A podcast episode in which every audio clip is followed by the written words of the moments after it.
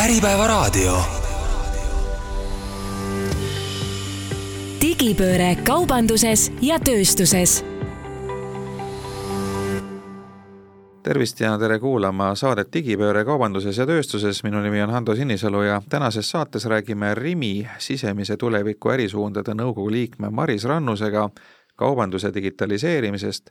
räägime ka häkatonidest ja sellest, kui palju ettevõte sellest kõigest kasu saab. Ja alustuseks, Maris, mida see digitaliseerimine kaubanduses tähendab, et kui mõelda sellise tavalise ostja peale, et ma lähen poodi oma igapäevaseid oste tegema, mille võrra siis digitaliseeritud kaubandus erineb sellest tavalisest? Tere ka minu poolt, digitaliseerimine siis meie jaoks tähendab kahte erinevat asja, et, et me teeme kahel suunal väga palju tööd, nii kliendi vaatest kui ka siis sisemisest vaatest. Ja, ja kui ma nii-öelda päris ausalt vaatan, siis ma arvan, et sisemiselt me oleme teinud isegi veel rohkem, kui, kui klientidele välja paistab aga kui vaadata ainult seda kliendi poolt, siis täna võib-olla kõige nähtavamad äh, kohad ongi siis meie nii-öelda veebiäpp, äh, mille läbi rakenduse me saame siis kasutada kliendikaarti ja kõik, mis siis on kauplusesisesed iseteenindusfunktsioonid, nii need äh, self-scannerid kui ka siis nii-öelda ise kauba skaneerimine ja kõik need, mis on siis nii-öelda kassiiriliini või seda nii-öelda viimase miili sammu kliendi jaoks hõlbustanud, et, et kõik need vaated on, on viimastel aastatel väga palju tähelepanu saanud no need iseteeninduskassad, see, kus äh, klient saab ilma teise inimese või müüja sekkumata siis oma ostuprotsessi lõpuni viia, et need on Eestis juba mõnda aega olnud ja, ja vähemalt see algus oli küll ikka päris visa ja, ja nii paljuski, mõnedeski poodides on näha seda, kuidas see iseteeninduskassade juures on äh, nagu ruumi küll ja järjekordi pole ja siis kassas long, vookleb äh, pikk järjekord, noh, mulle on öeldud, et üks põhjus on see, et sealt saab äh, suitsu osta, et seda iseteeninduskassast ei saa, aga ilmselt on seal ka mingeid muid põhjuseid, et äh, ma ükskord lausa, lausa proovisin nagu ka nii-öelda profileerida, vaatasin neid inimesi, et mõtlesin, et okei okay,, et digikassa, et äkki siis kõik on vanemad inimesed, kes ei ole harjunud sellega, ei olnud, oli täiesti läbilõige ühiskonnast, oli noori, kesk, keskealisi, vanemaid mehi, naisi, ühesõnaga täielik selline äh, noh, suhteliselt ühtlane läbilõige ühiskonnast, et millegipärast nad eelistasid ikkagi seda inimesega kassat, et, et milles see, see, ütleme siis see see barjäär on, et miks, miks inimesed ei hakka neid nii ähm, kiiresti ja, ja, ja, ja, ja kuigi see on nii mugav ja järjekorda ei ole ja just, ma arvan, et inimestel ongi see muutus on, on raske tulema ja, ja mida meie ka teeme, on siis me nii-öelda, äh, meil on seal inimesed, kes siis abistavad ka iseteeninduskassade juhendamisel, et, et kui inimesed on korra selle protsessi läbi teinud, siis nad reeglina ikkagi jäävad sinna. ja aina vähem me ju näeme tegelikult siis nii-öelda neid tavakassasid üldse avatuna, ehk siis äh, tihti on ka see olukord, kus, kus inimesel ei olegi enam väga valikut ja ta on nii-öelda siis suunatud sellesse iseteenindusse ja kui ta selle siis protsessi korra läbi teeb, siis ta näeb, et see tegelikult on üsna hõlbus ja kiire, et et äh, meie küll tegelikult näeme, et kui on selline tipptunni hetk, äh, siis on järjekord ka iseteeninduses, et päris nii ei ole, et, et kindlasti inimene eelistab alati seda tavakassat ja, ja kõik funktsionaalsused on seal, seal olemas ja, ja ka meie nii-öelda liigume selles suunas, et oleks ka sularaha funktsionaalsus ja kõik nii-öelda vajalikud astmed saab ära teha iseteeninduskassas täpselt sama hästi kui ka tavakassas. kas te olete ka sellist nii-öelda käekõrval õpetamist teinud, et võtate mõne inimese saalist ja ütlete, et tulge kaasa, et teeme teiega koos nüüd selle iseteeninduskassa protsessi läbi, et, et siis te näete, et, et see on nii lihtne? päris saalist me kliente ei raba, aga pikas järjekorra lõpust oleme küll pakkunud, et, et kas te soovite, tulge, et me näitame näitame, kuidas see iseteeninduskassa protsess käib, et ja, ja inimesed tegelikult tulevad hea meelega, sest tegelikult ega see järjekord ei ole kellegi jaoks meeldiv. aga jah, mingil, mingil põhjusel nad siiski seda inimkontakti soovides sellesse tavakassa järjekorda jäävad, aga, aga kui nad selle protsessi läbi teevad, siis tegelikult iseteeninduskassade kasutatavus kasvab äh, praktiliselt iga päevaga kuidas see nii-öelda elektrooniline äpp või, või siis see kliendikaart, kuidas see on vastu võetud, mis barjäärid seal on? Jah, selle kasutatavus on madalam, kui me oleksime oodanud, võiks kasutada rohkem, ma arvan, see on sama asi, et, et see muutus on, muutus on võib-olla keeruline tulema ja me väga tahaksime, et inimesed kasutaksid rohkem seda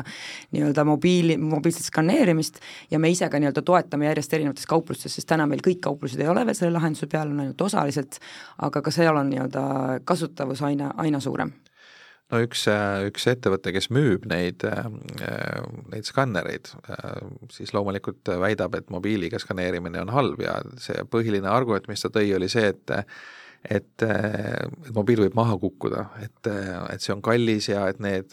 professionaalsed nii-öelda selleks mõeldud skännerid on tugevad, et neid võib maha visata kivipõrandale ja enamasti kauplustes on ju kivipõrand või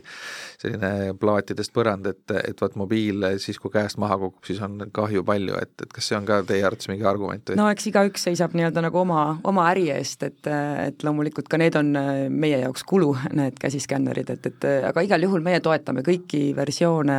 kui inimene saab selle nii-öelda ostuprotsessi siis ise seal kaupluses tehtud, et, et loomulikult meil oleks nagu meeldivam, kui ta valiks ükskõik millise nendest variantidest versus siis äh, tavakassa. Kui nüüd veel jätkata seda ostja vaadet, siis, äh, siis üks koht, kus, kus mõned kauplused on, on nagu juba selle sammu astunud, aga enamus veel mitte, on digitaalsed hinnasildid. Et noh, see tundub, eks ole, hästi mugav, et saab äh, kogu aeg hindu muuta, võib-olla see isegi Äh, lõpuks on kauplus nagu pörs, et, et hind muutub päeva jooksul äh, sõltuvalt kellaajast või nõudlusest või, või millest iganes, et äh, aga ometi seda on üsna vähe, et, et mis arengud seal on? No miks seda on üsna vähe, on põhjus on selles, et endiselt see nii-öelda nagu tarkvara on väga kallis. ja ka meie siis just eile alustasime pilooti kaheksas kaupluses ja ainult siis puu- ja köögivilja osakonnas, kuna need hinnad tõepoolest muutuvad kõige sagedamini et äh, me vaatame, kui palju me nii-öelda siis äh, võitu saame, et igal nii-öelda siis sellisel investeeringul on oma nii-öelda siis äh, business case kalkulatsioon seal taga, et kui palju meil läheb täna inimtööjõudu nende hinnasiltide vahetamiseks ja kui palju me siis saaksime nii-öelda seda digitaalselt tehes võimaldada, et ja kiiremini teha ja mugavamalt nii kliendile kui töötajatele, et aga jah, see on endiselt paraku, vaatamata sellele, et ta on turul juba pea kümme aastat, on väga-väga kallis tehnoloogia. Kas te näete seda ka, et tulevikus hakkab olema selline hästi dünaamiline hinnakujundus, et päeva jooksul mitu korda hinnad muutuvad, et noh näiteks, et et hajutada koormust, et tipptunnil on hinnad kõrgemad näiteks ja siis äh, madalal äh, tunnil on madalamad, et siis innustada inimesi sinna no, külastama kauplust? väga paljudes erinevates äh, teenustes juba täna ju nii on, ükskõik lennundus, bussipiletid, mis iganes, et, et, et nii ta on turul juba olemas kas juhtub ka toidukaupluses raske öelda oma nii-öelda futuristlikes plaanides me oleme seda juba ammu-ammu ette näinud, küll täna me seda jah, ilma nii-öelda kogu kaupluse elektrooniliselt siltidega katmata teha ei saa mm. -hmm. siis järgmine samm on igasugune tooteinfo et äh, täna on see tegelikult äh, ostja jaoks ka hästi ebamugavalt lahendatud, see ei ole nüüd otseselt kaupluse kapsaaeda kivi, aga, aga maaletoojate ja tootjate, et tihti on, eks ole, välismaa kaupadel üle kleebitud need tõlked, sildid, mis on siis hästi väikeses kirjas, mida vanemad inimesed ei näegi lugeda, siis on seal umbes mingi kümme erinevat keelt läbisegi ja, ja ühesõnaga seda ei ole mugav kasutada, et kas te näete, et see võiks kuidagi muutuda niimoodi, et jällegi, et ma saan oma telefoniga või mingisuguse seadmega neid tooteinfosid ja ma ei tea, Äh, koostisosi, toiduretsepte, ma ei tea, videosid, kuidas seda toodet ka noh, toiduga on võib-olla lihtsam, ei ole nii probleemne, aga noh, näiteks ehituspoes äh, Teil ka su suurtes rimmides on igasuguseid äh, selliseid kodumasinaid ja, ja, ja aiatarvikuid müügil, et noh, on video, et sa näed, kuidas seda kasutatakse ja igasugused õpetused ja no siin on seal tooteinfo osas on mitu aspekti, et, et tegelikult enne, kui see nii-öelda kliendini jõuab ja selle pakendi peale selles võib-olla väikeses kirjas on ka hästi tähtis, et see tooteinfo oleks ülikvaliteetne, sest noh, nüüd siis e-kaubanduse kasvuga on kõik see tooteinfo eh, klientidele nähtav, et äh, varasemalt oli siis ainult see, mis oli seaduses eh, nõutud, oli siis vaja pakendile panna, tänaseks on see, et, et et kõik, mis vähegi selle tootega kaasa tuleb, see info peab olema klientidele puhas, nähtav ja ja korrektselt äh, esitatud. Ja see on pannud väga suure surve kogu sellele digitaliseerimisele, tooteandmete puhtusele, tooteandmete korrigeerimisele, tooteandmete vahetamisele. et see on väga-väga suur tagatuba, mis, mis toimub enne, kui see siis lõpuks sellele paberile jõuab miks see on nii väike, on, on tihti asjaolu see, et, et äh, me oleme nii-öelda nagu suures majandusruumis ja, ja tihti siis äh, kui see toode tuuakse siis maale mingis riigis või toodetakse mingis riigis, siis seda soovitakse müüa ka mitmes riigis. ja see tähendab, et see kohe nii-öelda siis korrutatud nende riikide keelte arvuga mis eriti private label'il paistab hästi silma, et, et kui mingi toode toodetakse ja ettevõte siis eksisteerib või, või äh, toimetab kolmes riigis, siis peab olema vähemalt kolme riigi informatsioon seal peal, see siis nii-öelda suurendab seda, seda info hulka, mis sinna siis tuleb panna, pluss siis kõik seadusest tulenevad allergeenid äh, toidu puhul ja kõik, kõik muu antud info. et täna jah, on tooteid, kus nii-öelda see QR kood on juba toodetel peal, kus on võimalik nii-öelda siis track ida, vaadata farmini välja, kus see nii-öelda kana oli, mis temaga tehti, kuidas see siis nii-öelda sinu toidulauale jõudis, aga on ka tooteid siis, millel ei ole veel, veel sellist nii-öelda nagu äh, printi, aga põhimõtteliselt see, mis seal on, on rohkem selliseks kliendi jaoks, mitte küll nii-öelda siis seadusest tulenevalt kohustus, mida me siis klientide meele heaks siis tegelikult teatud toodetele paneme. Aga jah, täna on raske öelda, kas, kas äh,, kuidas see nii-öelda arengud äh, tekivad, et, et ma kahtlen, et, et me siin lähiaastatel näeme sellist olukorda, kus üldse mingit infot pakendil ei ole ja on ainult mingisugune QR kood või mingi link, et mine vaata sealt, sest kui noh, refereerides tagasi sellele olukorrale, kus inimestele meeldib seista tavakassas, siis ma arvan, et nendele kindlasti ei meeldi äh, nutitelefonidega tooteid mööda ringi käia ja teada saada, kas seal on siis näiteks allergeenid sees või ei ole. No samal ajal äh, see mikrokirjas äh, trükkimine sageli tundub ka olevat lihtsalt äh, formaalselt seaduse järgimine, sest tegelikult noh, ütleme kasutaja seda infot peaaegu et on võimatu seda lugeda, eriti vanematel inimestel, noh teil ju ka käivad inimesed poes luup kaasas, eks ole, ja, ja siis uurivad neid, et, et see ei ole just eriti kasutajasõbralik, et sellel ilmselt peaks mingisugune väheke normaalsem lahendus tulema no nii on jah, tõepoolest, siin on digitaliseerimisel veel, veel samm ära teha, aga noh, kui me mõtleme ka näiteks, et, et seal peab tekkima ka selline nii-öelda positiivne business case, et, et kui suurelt me selle kirja siis paneme, et kui me näiteks kleebime neid äh, kolm korda siis erinevates keeltes erinevate kleebistega, et, et siin tekib äh, noh, väikeste partiide puhul päris suur ebaefektiivsus, et alati, kui te näete sellist olukorda, siis tõenäoliselt on tegemist väikse partii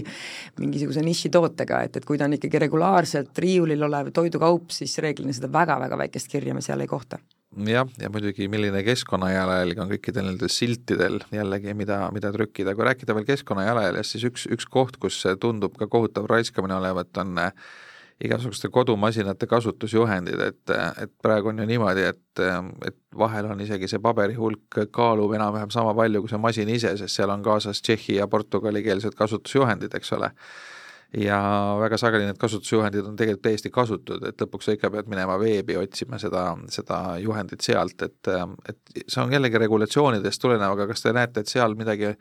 läheb ka veidike paremaks, et ei ole vaja seda metsikut paberi hulka jällegi kaasa panna iga, iga viimase kui äh, kohvikeetjaga. No täna ongi see, et, et tegelikult ega, ega meie Rimis müüme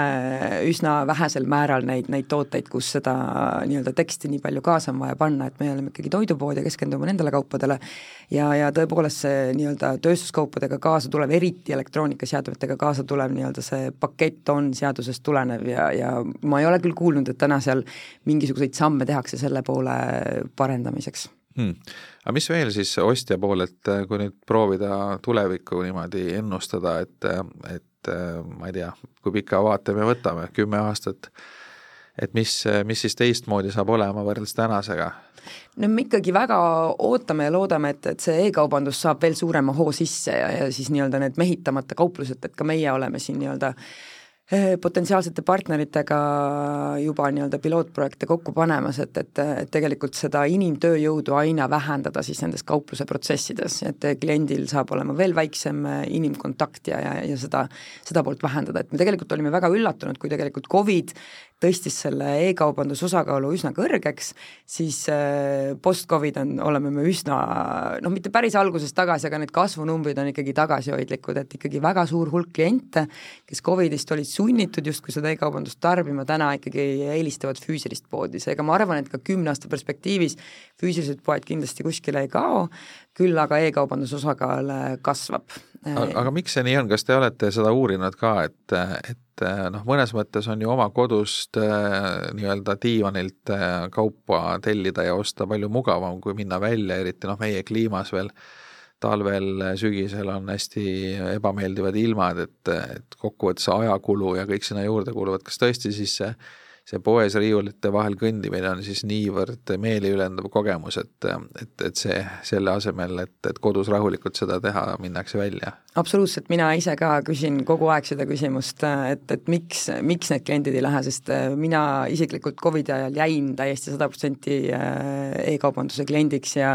ja kui see ei oleks minu töökohustusega seotud, siis ma füüsilises poes tõenäoliselt üldse ei käiks, aga aga kui me oleme seda uurinud, siis kliendid reeglina vastavad seda, et nad tahavad seda nii-öelda füüsilist kontakti kaubaga, reeglina just puu- ja köögiviljadega, nemad ei usalda seda,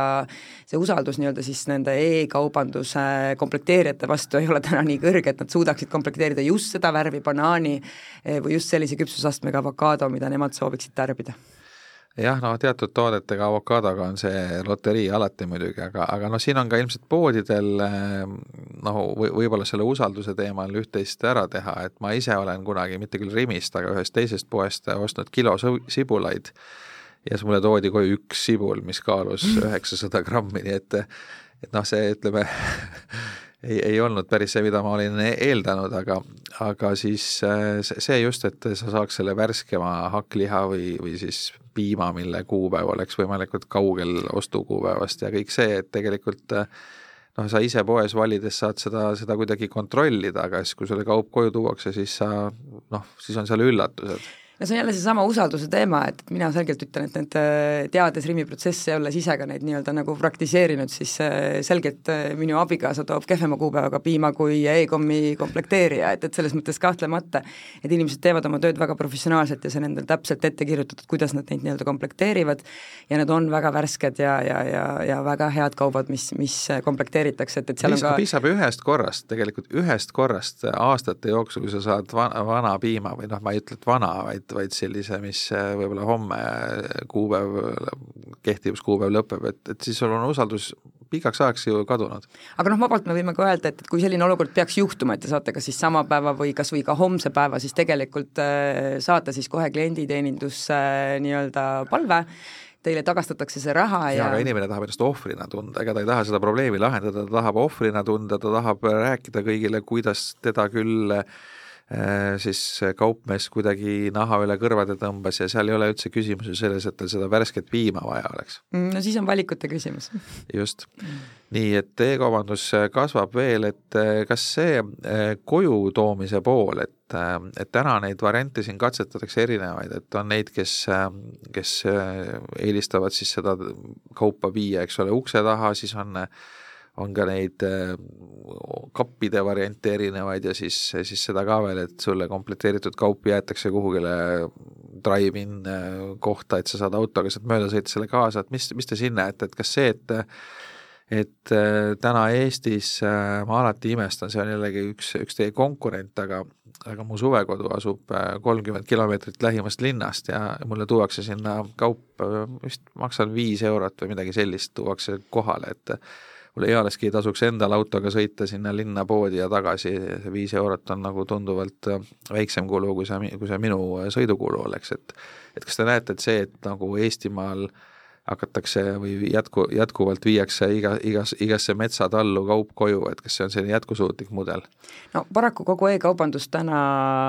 ei ole enamus konkurentidel ega ka meil väga nii-öelda kasumlik äh, projekt, et see on lihtsalt väga vajalik, see on kliendi vaatest äh, äärmiselt äh, mugav ja, ja hea teenus ja see on selge, et see viimane miil, eriti just nendele kaugetesse küladesse, on, on väga kallis ja kui me vaatame kogu selle e-kaubanduse nii-öelda neid business case'i, siis on ju ju väga suur kulu ka selles, et, et meie paneme, et me täna komplekteerime siis oma hüpermarketitest neid kaupu, äh, et me nii-öelda riiuldame need kaubad ja siis meie järgmine töötaja läheb ja võtab need ja komplekteerib kellelegi teisele, et tegelikult meil on topeltkulu seal, seal igal sammul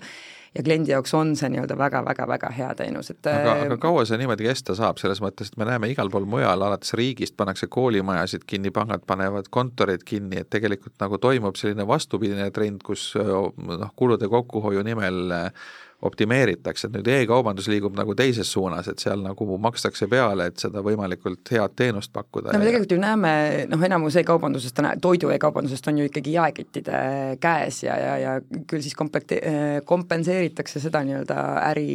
teiste äride arvelt, et, et täna ilmselgelt on ka näha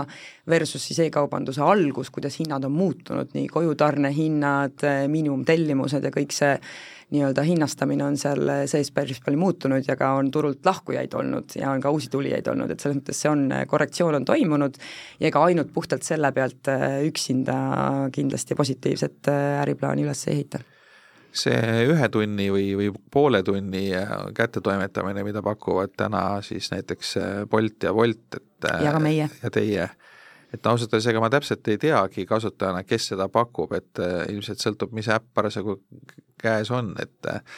et mina olen Bolti kasutanud äh, ja, ja seal on ka võimalik valida, kust poest nad toovad seda, eks ole, aga aga see tundub nagu hästi mugav teenus, äh, jällegi kui puht ratsionaalselt vaadata, et kas tasub kodust välja minna kuhugile ise järgi, noh eriti kui kiire aeg on, võib-olla saaks mingit kasulikumat, midagi kasulikumat teha sellel ajal, kui, kui ise poes käia, et see on nagu väga hea teenus, et kas kuhu suunas see võiks liikuda, et mis, mis te näete siin, mis trendid on? no see on väga tugevalt seotud linnastumisega ja sellist teenust saabki pakkuda ainult seal, kus on väga tihe asustus, sest et seda me kindlasti kuskil äh, väikestes regioonides teha ei saa Äh, jällegi, me startisime selle teenusega, meil on ka nii-öelda kolmekümne minuti express äh, service, äh, mis on siis ka tasuline ja, ja tegelikult seda, seda kasutatakse mõnevõrra. et võiks olla suurem, aga ma siin ka tegelikult ei näe mingit plahvatuslikku kasvu, et, et, et ma arvan, et pigem suuremad muutused toimuvad võib-olla selle tava e-kaubanduse suunal kui selle, selle Ekspress mugavusteenuse, sest tegemist on siiski nagu pigem siis kallima hinnateenusega kui, kui tavalise e-kaubanduse puhul, sest tavalise e-kaubanduse puhul on meil äh, üle kuuekümne eurosed äh, ostud äh, transpordides täiesti tasuta, et, et aga Ekspressis me seda nii-öelda teenust täiesti tasuta kliendile pakkuda ei saa nojah, et see, kui, kui mul tekib õhtul hirmus veiniisu, et ma ei viitsi ise järgi minna, et see, see ilmselt ei ole selline nagu teenus, ilma milleta nüüd kuidagi hakkama ei saaks, et Just. see on nagu selline jah, hästi, hästi mugavusteenus aga need poed, äh, mida on siin Amazon mujal maailmas äh, rakendanud ja, ja Eestis R-kiosk, et et kus on siis täiesti nii-öelda inimese vaba automaatne pood, et, need on tehnoloogiliselt päris keerulised, et seal on need igasugused kaamerad ja kaalud ja kõik muu, eks ole samal ajal äh, näiteks see R-kioski pood, mis on Tehnikaülikooli peahoones, äh,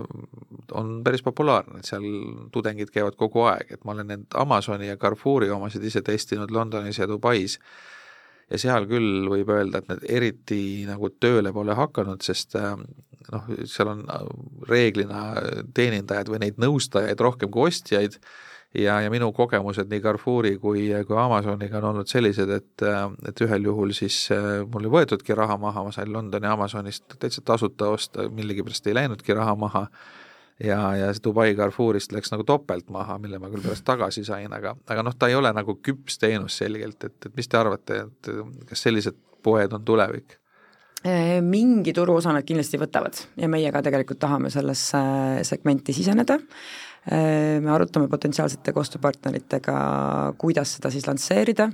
aga kui me näeme, et tegelikult selle nii-öelda tarkvara poole pealt isegi elektroonilised hinnasildid on täna väga-väga kõrge, kõrge nii-öelda siis äh, hinnasildiga, siis äh, on ka antud tehnoloogia väga-väga kallis, et selle tasuvusaeg saab olema ikkagi väga-väga pikk.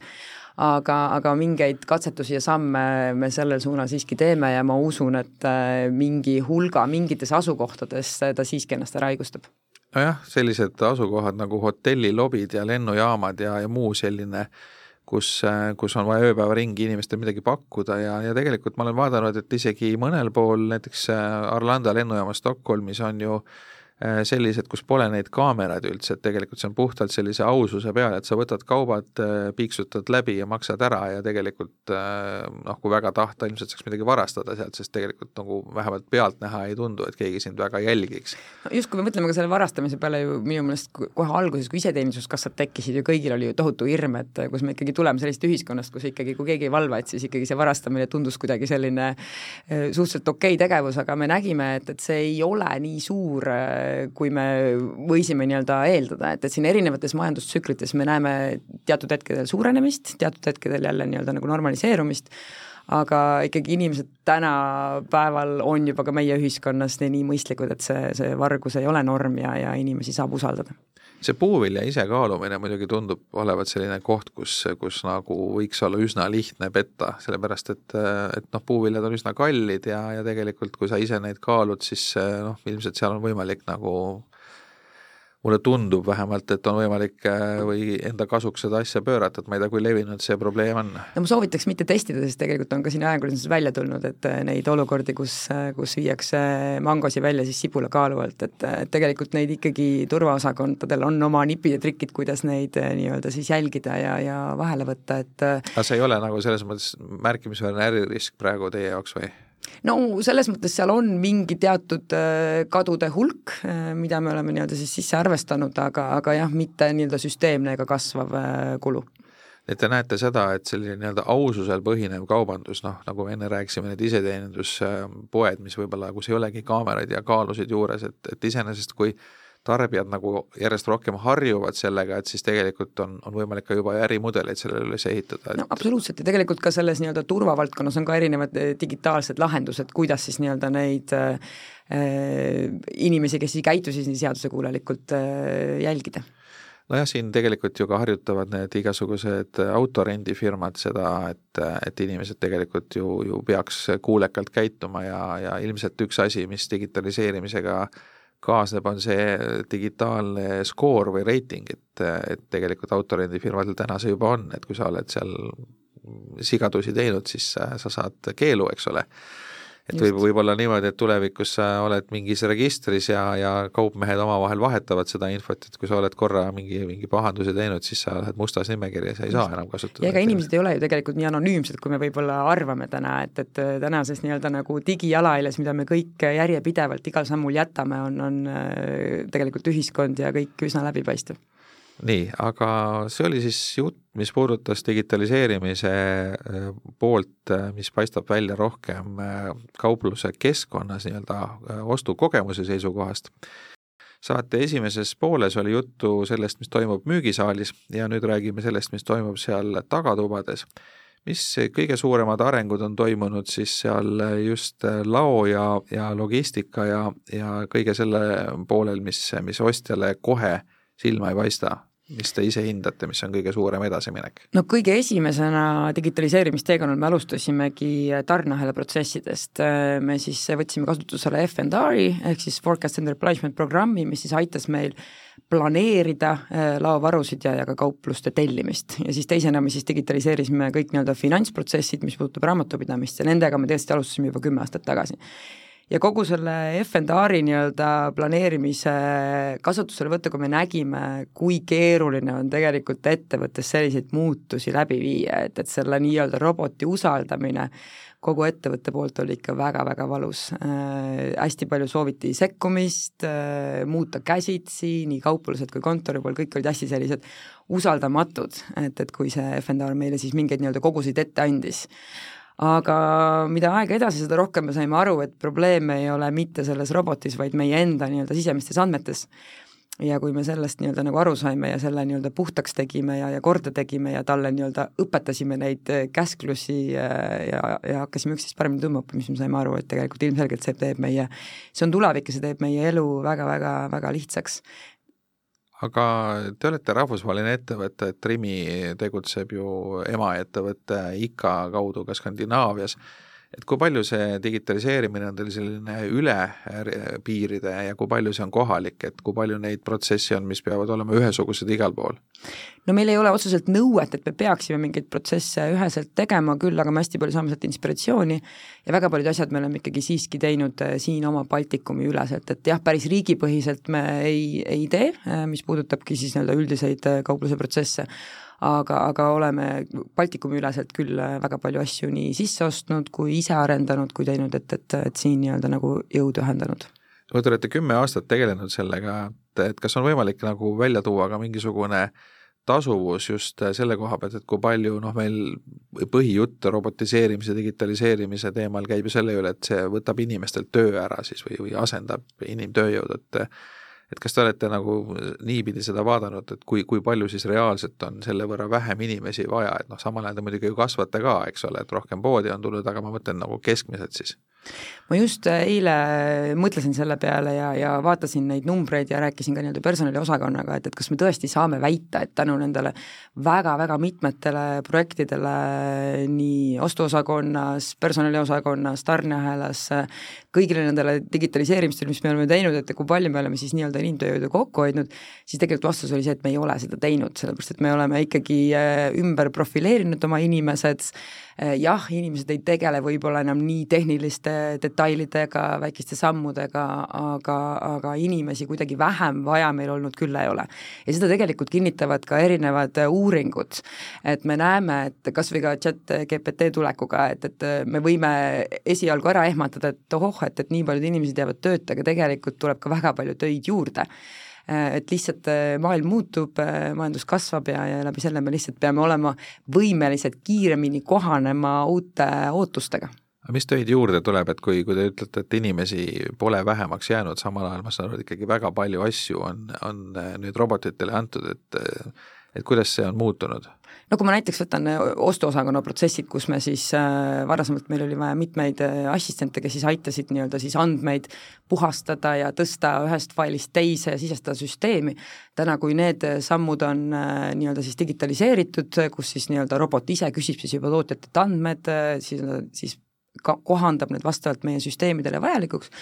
siis me saime need inimesed siis ümber profileerida kas siis kampaaniaprotsessidega tegelemiseks või siis kategooria juhtimisega tegelemiseks või siis kategooria juhtidel nii-öelda profiili tõstmiseks, ehk siis kategooria juht ei pea tegelema näiteks hinnastamisega, ta ei pea mõtlema, et kui palju see kartul konkreetselt, mis ta väljamüügihind saab olema, vaid selle teeb ära robot, tema lihtsalt nii-öelda siis valideerib ja ta saab samal ajal siis mõelda selle strateegilise poole peale, et, et kuidas ma ennast siis turul hinnastan, kes on minu suurimad konkurendid, kuidas ma tahan, et see hind muutub, millal ta muutub ja ma saan ka panna rohkem rõhku näiteks tootjatega hinnaläbirääkimistele et äh, ma, ma ei tea, kas see on õige tee, aga, aga kas, kas see on tingitud natuke ka sellest, et konkurents tegelikult turul tiheneb, et selles mõttes, et, et te peate rohkem vaeva nägema selleks, et püsida konkurentsis, kuna turule on tulnud äh, ju uusi tegijaid, eks ole, seega on nagu kõigil raskem? absoluutselt äh, ja kindlasti partnerlussuhted on need, mis on saanud oluliselt suuremasse fookusesse viimastel aastatel, et et ja mina usun siiralt, et tegelikult ei, ei võistle omavahel ainult jaeketid, vaid, vaid võistlevad nii-öelda jaeketi ja, ja hankija kombinatsioonid, organisatsioonid. et see ongi see, et, et kuidas suudetakse omavahel vahetada andmeid, teha koostööd sellisel kujul, et, et nii-öelda koos kasvada ja saavutada parimaid äritulemusi no paljud äh, kaupmehed kurdavad selle üle, et tootjad ei tule kaasa digitaliseerimisega, et tegelikult ju ka logistikas ja, ja, ja infovahetuses oleks ju ideaalne see, kui, kui tootjad äh, ja hulgimüüjad ja jaemüüjad oleks kõik kuidagimoodi sünkroniseeritud ja ühes süsteemis ja, ja kogu see info liiguks äh, sujuvalt, aga seda päris nii ei ole, et et mis siin teha annaks, et kuidas oleks võimalik saavutada see, et kõik osapooled kogu selles tarneahelas oleks, äh, oleks nagu ühtviisi äh, ühes inforuumis ja see info häireteta liiguks? no see on väga-väga keeruline, et kui me ennem rääkisime ka tooteandmetest, et see on minu meelest kõige suurem valupunkt, kus läheb kõige rohkem auru kõikide osapoolte poolt, nii jaekett, tootja, süsteemid, et kuidas saada need tooteandmed ühtsel kujul ja kõik need pakkumised, mida siis konstantselt saadetakse, kõik need hinnamuutused, et, et seda infovahetust on hästi-hästi palju, paraku tehakse seda ikkagi veel mitmetes äh, instantsides äh, vanakooli moodi Excelites ja loomulikult oleks väga vahva, kui oleks selline nii-öelda andmete bassein, kus siis kõik nii-öelda jaeketid saaksid endale siis äh, võtta sealt vajalikud andmed, aga täna on ka tegelikult juba mitmeid teenusepakkujaid turul ja, ja see pool tegelikult aina läheb, läheb ka paremaks, aga seal on ka igalühel oma ärihuvid mängus ja, ja lõpuks on küsimus, et kes siis selle nii-öelda ühtse ja, ja toreda süsteemi eest maksma peaks no siin on ka vist standardite küsimus, et äh, igal pool mujal äh, valdkondades on ju ka see, et on mitu konkureerivat standardit ja need võistlevad omavahel ja siis äh, lõpuks ei ole teada, milline neist peale jääb just, absoluutselt, kogu selle digitaliseerimise, automatiseerimise alusbaas ongi see, et me saame asjadest ühtemoodi aru. Ja ka meil näiteks on äh, väga hea õppekoht on see, et kui me toimetame kolmes eri riigis ja me mõtleme, et ahah, väga tore protsess, kampaania, hakkame seda nüüd siis äh, ühtemoodi tegema, ostame roboti peale, aga selleks, et see robot saaks üldse toimetama hakata, on meil vaja tohutult palju standardi, standardiseerida oma olemasolevaid protsesse selleks, et üldse robot sealt kuidagi midagi võtta saaks. et see on turul samamoodi, et, et nii palju, kui on erinevaid ettevõtteid, on erinevaid programme, erinevaid nii-öelda andmekujusid, mida nad vajavad, mida keegi kuskil nii-öelda kliendi jaoks kuvada soovib, et seni, kuni see ei ole standardne, on, on ikkagi vaja kuskil etapis teha mingit käsitööd no siin ilmselt tasuks võib-olla nõu küsida Eesti riigi digitaliseerijat, et siis tegelikult see X-tee põhimõte, kuidas kogu, kogu see info liikumine, kuidas digiriiki ehitati, need põhimõtted ilmselt sobiks ka kaubandusse, kui neid natuke mugandada. just. Äh, kuidas see on lugu siis nende mehaaniliste robotitega seal, et, et me oleme näinud ilmselt äh, kõik äh, videoid äh, Amazoni ja muude gigantide ladudest, kus kogu töö teevad ära robotid ja inimene istub ainult kusagil, kusagil kabiinis ekraani taga ja, ja juhib neid roboteid, et kui palju, kui palju teil laos inimesi on ja kui palju masinaid? Eh, no laos me oleme ka automatiseerinud, eh, meil on ka Riia kesklaos nii-öelda eh, robotsorter, kes siis ka sorteerib seda kaupa, aga jälle jõuame sama selle standardiseerimiseni, et, et selleks, et see sorter saaks hästi oma tööd teha, on vaja selleks, et kõik ettevõtted tarniksid oma kaupa standardses taaras et, et see loob, loob omakorda sellised äh, pretsedendid turul, et, et kui sina tahad oma laos midagi äh, robotiseerida, siis see tähendab ka automaatselt koostööpartnerite jaoks teatud nii-öelda siis äh, standardite kasutamist ja, ja kõik konkurendid ei pruugi sedasama nii-öelda toetada, et, et seal on erinevaid asju. Ja meie emafirma on Ocadoga ka teeb koostööd, et ka veel nii-öelda robotiseeritumad laod ja ning jah, selles, selles suunas, suunas me liigume, et üks tulevikusuund, mida mina olen mõelnud, mida ma tegelikult ei näe ka veel ei riist ega tark, tarkvarana on see, et, et kuidas siis saada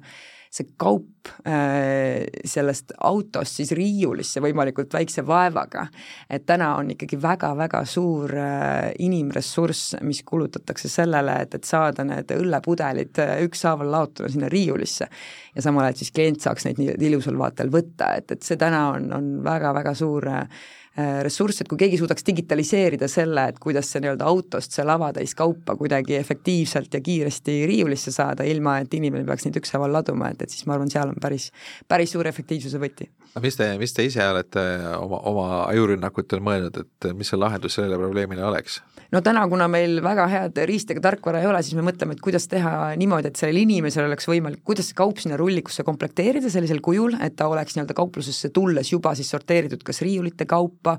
vahede kaupa, noh, temperatuuri kaupa on ta, on ta niikuinii pandud, et kuidas see inimene selle siis kõige kiiremini riiulisse saaks, et noh, et hästi palju me kasutame nii-öelda, me kutsume neid siis inglise keeles shelf ready packaging, mis siis tähendab seda, et ta on siis kas kuue, kaheteist, kaheksateist või kahekümne nelja kaupa juba selles nii-öelda riiulis, et siis nii-öelda see töötaja peab eemaldama ainult selle kile ja tõstma siis selle riiulisse kohe. mis tähendab ka siis nii-öelda back-office'i jaoks väga palju muud, et planogrammid peavad olema täpselt selliste sentimeetritega, et see shelf ready'ga sinna ära mahuks, et ma ei saa selle nägude arvuga seal väga palju mängida. et see on üks asi, mida me nagu saame lihtsalt teha noh, nii-öelda inimlikust perspektiivist, aga, aga tõesti kutsun üles mõtlema ka see meie häkaton, et, et, et miks mitte, sellepärast et see on tõesti koht, kus kus oleks nii-öelda kindlasti efektiivsuse koht küll aga see tähendaks ka seda, et kogu kaupluste arhitektuur ja disain peab toetama seda, et, et siis mis iganes robot või, või, või äh, asi, mis selle kauba siis sinna riiulisse tooks, äh, oleks üldse nagu füüsiliselt võimalik seda teekonda läbida. no on ka selliseid kauplusi, kus ostja peab ise minema sinna kasti ja sealt endale õllepudeleid koguma ja, ja need ka toimivad, need mudelid, et jah, siis see ongi nii-öelda erinev kaupluste positsioneering ja, ja sealt ka vastav nii-öelda siis äh, hind sellele kaubale jah, ja samal ajal neid, kes, kes tahavad just seda enda lemmikõlu just saada sellest külmkapist äh, ja ta oleks ilusti välja pandud ja kõik sinna juurde kuulub ka, et, et on erinevaid ostjaid ja erinevaid äh, lähenemisi, aga aga te mainisite Hackatoni, et, et et äh, Rimi teeb koostööd äh, startup eritega ka. just. et mis, äh, rääkige sellest natuke pikemalt no,. tegelikult Rimi koostöö startup idega on juba, meil on juba omajagu ajalugu, et, et juba kolm aastat me teeme Future Hubiga koostööd, mis on siis nii-öelda Baltikumis toimuv üritus ja seekord me siis otsustasime teha ka päris oma häkatoni, et, et viimane nii-öelda katse, mis meil oli, oli siis see, et, et me lasime ka oma koostööpartneritele oma koostöökonverentsile tulla meile siis nii-öelda pitch'i stiilis äh, rääkima oma nii-öelda äriideedest, kuidas siis koos võiks kasvada. aga nüüd siis ametliku häkatonini me oleme jah, välja hõiganud, et neliteist kuni kuusteist juuni äh, Riias, meie oma peakontoris, äh, läbi Rimi kodulehe on võimalik sinna nii-öelda siis sooviavaldus esitada tulla siis koos mõtlema, eh, täiesti nii-öelda klassikaline neljakümne kaheksa tunnine ühismõtlemine, me ootame sinna nii eh, eraisikuid kui ka võib-olla juba toimivaid startup'e. Eks siis ühiselt mõelda, kuidas ja mida saaks siis äh, parendada meie protsessides ja, ja veel efektiivistada ja, ja midagi, midagi veel välja mõelda, et et tegelikult on meil juba tulnud sarnastest asjadest mitmeid äh, nii-öelda lahendusi, üks on näiteks Tühjenda oma külmik, mis tuli sealt samast Future äh, Hubist, mis on siis nii-öelda üks, üks rakendus meie oma äpi sees, kuhu siis vajutades ja pannes, et sul on kodus näiteks muna ja või ja paprika ja, ja siis pakutakse sulle sinna erinevaid, erinevaid retsepte, et, et, et see on selline väike lahendus, aga, aga muidugi me ootame ka, ka mingeid toredaid suuremaid lahendusi, mis siis päriselt aitaks meie, meie ettevõtet äh, paremini toimida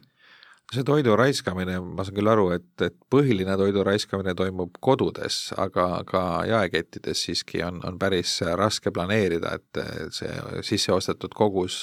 kergesti liikuvat kaupa oleks just see õige. et mis arengud siin on, et kas, kas siin on ka mingisugune, ma ei tea, ma, ma, noh, pakun, et vot siin tehisintellekt saaks kindlasti aidata, et ennustada ette, et, et kui palju tuleks seda mangot või, või hakkliha, mis kergesti riknema läheb, osta just ma ei tea, mai keskel, et, et millised inimeste tarbimisharjumused või ilm või, või ma ei tea, mis iganes mõjutajad siin võivad kõik olla. absoluutselt, ja no mango puhul on alati veel see kvaliteet ja kuidas täpselt välja näeb, konkreetne partii, et seal on väga-väga-väga palju detaile, kuidas seda planeeritakse, aga jaa, toidu raiskamisega me oleme väga palju tööd teinud,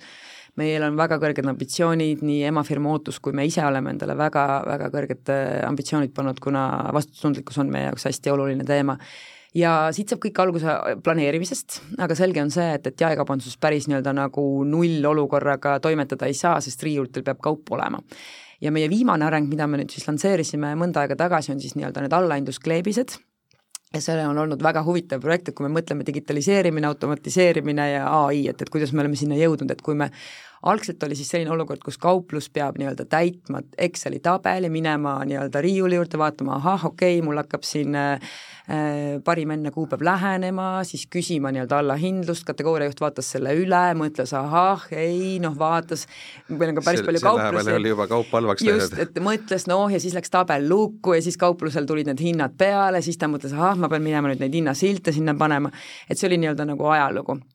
et, et siis, siis hakkasime tegema nii, et, et meil olid standardsed nii-öelda ette antud allahindlused, et kategooriajuht ei, ei hinnanud, vaid see, okei okay,, kui laovaru on, ma ei tea, kümme, siis on miinus kolmkümmend, kui on kakskümmend, siis on miinus viiskümmend, et läksid niisugused standardsed. Ja kolmas samm, mille me siis just lansseerisime, on see, et, et nii-öelda meil ai vaatab puhtalt hinnaelastsuse pealt, et missugune on selle toote liikumiskiirus, missugune on tema laosaldo konkreetses poes ja kauplus vajutab lihtsalt skännerist äh, nuppu ja, ja siis nii-öelda see prindib välja siis selle kleebise, mis siis kleebitakse kohe otse tootele. ja see on vähendanud meie toidu raiskamist väga märkimisväärselt, et, et soovitan vaadata ja kõik need tooted on ka meil äpis ole, üleval kaupluste kohtselt, et kui lähete Rimi äppi, vaatate sealt aeguma hakkavad tooted, valite oma kaupluse ja te näete seal iga päev kell kaksteist siis nii-öelda uuendatakse neid, te näete täpselt, et ma ei tea, kolm piima, kaks kohupiima, üks leib, et täpselt, mis seal kaupluses missuguse allahindlusega siis konkreetsel hetkel saadaval on no seda juttu räägitakse ka päris palju, et tegelikult need kuupäevad, mis, mis on kohustuslik panna, need säilivuskuupäevad, et tegelikult need on ikkagi väikse varuga kõik pandud, et tegelikult nagu üks päev hiljem ei juhtu nagu mitte midagi, et ei ole tervisele ohtlik seda kaupa tarbida, eks ole. absoluutselt, meie kutsume ka üle ainult nii-öelda kainele mõistusele, me ka oma kasuta oma nina ja maitsmismeelt, et kui see jogurt on üks päev üle, üle tähtaja ja see maitseb hästi, siis ei, ei ole probleem seda süüa, eks ole. organoleptiline hindamine on kindlasti kõige tähtsam pigem mitte nii-öelda usaldada, et, et mul endal sõprusringkonnas on, on mitu, mitu eksemplari, kus siis nii-öelda nii kui kuupäev kukub äh, süvenemata, lendab see prügikasti, see toit, aga, aga loomulikult äh, nuusutage, vaadake ja maitske, et midagi hullu ei, hullu ei juhtu ja, ja, ja kindlasti on ka väga palju erinevaid säilitamisnippe, näiteks äh, leipsai sügavkülma on minu meelest täiesti endiselt veel liiga alakasutatud, et miks mitte kasutada ja pärast sealt sügavkülmast röösterisse panna, see, see toode on sama hästi kui uus ja ja tegelikult ka mitmetes välis välisriikides nii üldse tarbitaksegi, et kaup juba jõuab kauplustesse, näiteks leib sai sügavkülmutatuna, sest ta külmutatakse praktiliselt tol hetkel, kui ta on tootmisprotsessi lõpetanud, sest siis peatub tema nii-öelda nagu vananemine. ja kui sa saad siis nii-öelda külmutatud leiva poest, siis tegelikult sa peaks olema pigem õnnelik, mitte pahane, et oi, mis sellega tehtud on, et aga, aga Eestis on veel endiselt see, et kui keegi märkab mingit külmutatud kooki näiteks kauplusriiul või midagi sellist, et siis ehmatatakse ära, et vau, vau, mis temaga vahepeal tehtud on kuidas see koguste planeerimine ja tehisintellekt kokku käivad, et kas te suudate nagu kuidagi jällegi ma olen lugenud siin mingisuguseid futuristlikke analüüse, et kuidas see äh, ai võtab äh, ilma andmeid ja üritab prognoosida seda, kui palju jäätist äh, järgmisel nädalal võiks, võiks vaja minna ja kõik selliseid asju, et et kui palju see reaalsus on täna no ilm on tegelikult jah üks asi, mis, eh, mida me oleme üritanud, aga me võib-olla ei tee seda täna liiga perfektselt, aga kindlasti me, noh, meil on ka inimesed, kes tegelikult sekkuvad selle roboti töösse ja, ja on mingid kuupäevad ja asjad, mida, mida see robot ei suuda ette näha, sest tegemist on ikkagi nii-öelda nagu automaadi ja, ja isegi küll ise õppivaga, aga siiski Äh, pisut nii-öelda tuge vajava, vajav situatsiooniga, sest näiteks üks asi, mis alati mõjutab, on, on pühad ja pühade planeerimine, et kuida-, kuhu, millistele kuupäevadele, millistele nädalapäevadele satuvad vabad päevad. et see on väga-väga suur mõjutaja, et, et seda see robot nii-öelda nagu ei suuda ette näha, et, et siis me ütleme talle, et, et palun selle kuupäeva, tuleviku kuupäeva referents on see kuupäev. et siis me otsime kalendrist sama olukorra, kus siis näiteks esimene mai oli ka reedel. et, et selliseid asju me, me teeme küll, ütleme talle ette, ilma noh, me käsitsi pisut reguleerime, et me aimame, aga, aga selle ilmaga on ka nii, et isegi kui öeldakse, et sajab lausvihma nagu täna, siis tegelikult on päike väljas ja me peame jälle kõik ümber tegema, et et planeerimine on tänamatu töö, see on nii-öelda klassikaline lause ja, ja, ja sellega, sellega paraku peab leppima, et see ei ole kunagi ideaalne. See on see asi, mis ilmselt hoiab ka põnevust, et kui kõik oleks lihtne ja ettearvatav, siis oleks igav töötada ka, et, et poleks üldse üllatusi. just, just, aga noh, toidu raiskamine ei ole muidugi alati kunagi selline, selline lõbus teema, aga noh, siis ongi see, et, et kui on juhtunud siis üleplaneerimine, siis me kohe saame reguleerida neid allahindluskleebistega, et, et lihtsalt ikkagi minimeerida seda raiska, raisku minevat toitu no seda poolt, et midagi puudu jääb, ikka väga sageli ette ei tule, et mulle eriti ei meenu, et olukorda, kus ma noh, kui nüüd Covidi aeg kõrvale jätta, kus Just. üksikud tarnehäired olid, aga põhimõtteliselt Just. ikkagi sa võid enam-vähem kindel olla, et, et kaupa on saada. no sellised puudujäägid tekivadki sellised ebamõistlike paanikaolukordades, kus me ei suuda siis neid eh, nii-öelda väga kõrgeid hüppeid ette näha selliste täiesti ootamatute kategooriatel nagu sool või, või tualettpaber, aga, aga suures plaanis ikkagi ju, ju kõik eh, tavamajandussituatsioonis kõik reguleerib äh, nõudluse pakkumise ja, ja hinnaga ära, et, et ja tihti jah, need mõjutused tekivad ka siis, kui näiteks väga kiiresti tooraine tõuseb või, või langeb et kui väga kiiresti tõuseb, siis äh, väga hinnaelastsetel toodetel on see mõju väga suur ja me näeme, et kui näiteks kala hind läheb väga märkimisväärselt üles, see nõudlus võib äh, kahekordselt nii-öelda alla tulla, et aga noh, me juba teame neid, neid olukordi ja, ja me oskame sellega arvestada. kui palju konkurentide sooduskampaaniad mõjutavad, et ma ei tea, kas see on ka asi, mida saab ai-le sisse sööta, öelda, et naabritel on praegu mingid hullud päevad ja, ja et, äh, et et äh, ilmselt meie müük väheneb sel ajal. jaa, absoluutselt, me arvestame seda ja me tegelikult ju ka ei ole midagi uut siin päikese all, et me ju näeme, missuguseid kampaaniaid konkurendid tea, teevad ja, ja me, me paneme ka oma nii-öelda ennustused sinna sisse ja seda me kindlasti oma koguste planeerimisel arvestame. nii, aga sellega täna lõpetame, aitäh kuulamast saadet Digipööre kaubanduses ja tööstuses, külas oli Rimi sisemise ja tuleviku ärisuundade nõukogu liige Maris Rannus mina olen saatejuht Ando Sinisalu ja seda saadet saab järelkuulata ka Äripäeva teemaveebis kaubandus.ee ja samuti Äripäeva raadiokeskkonnas raadio.äripäev.ee ja kuulmiseni!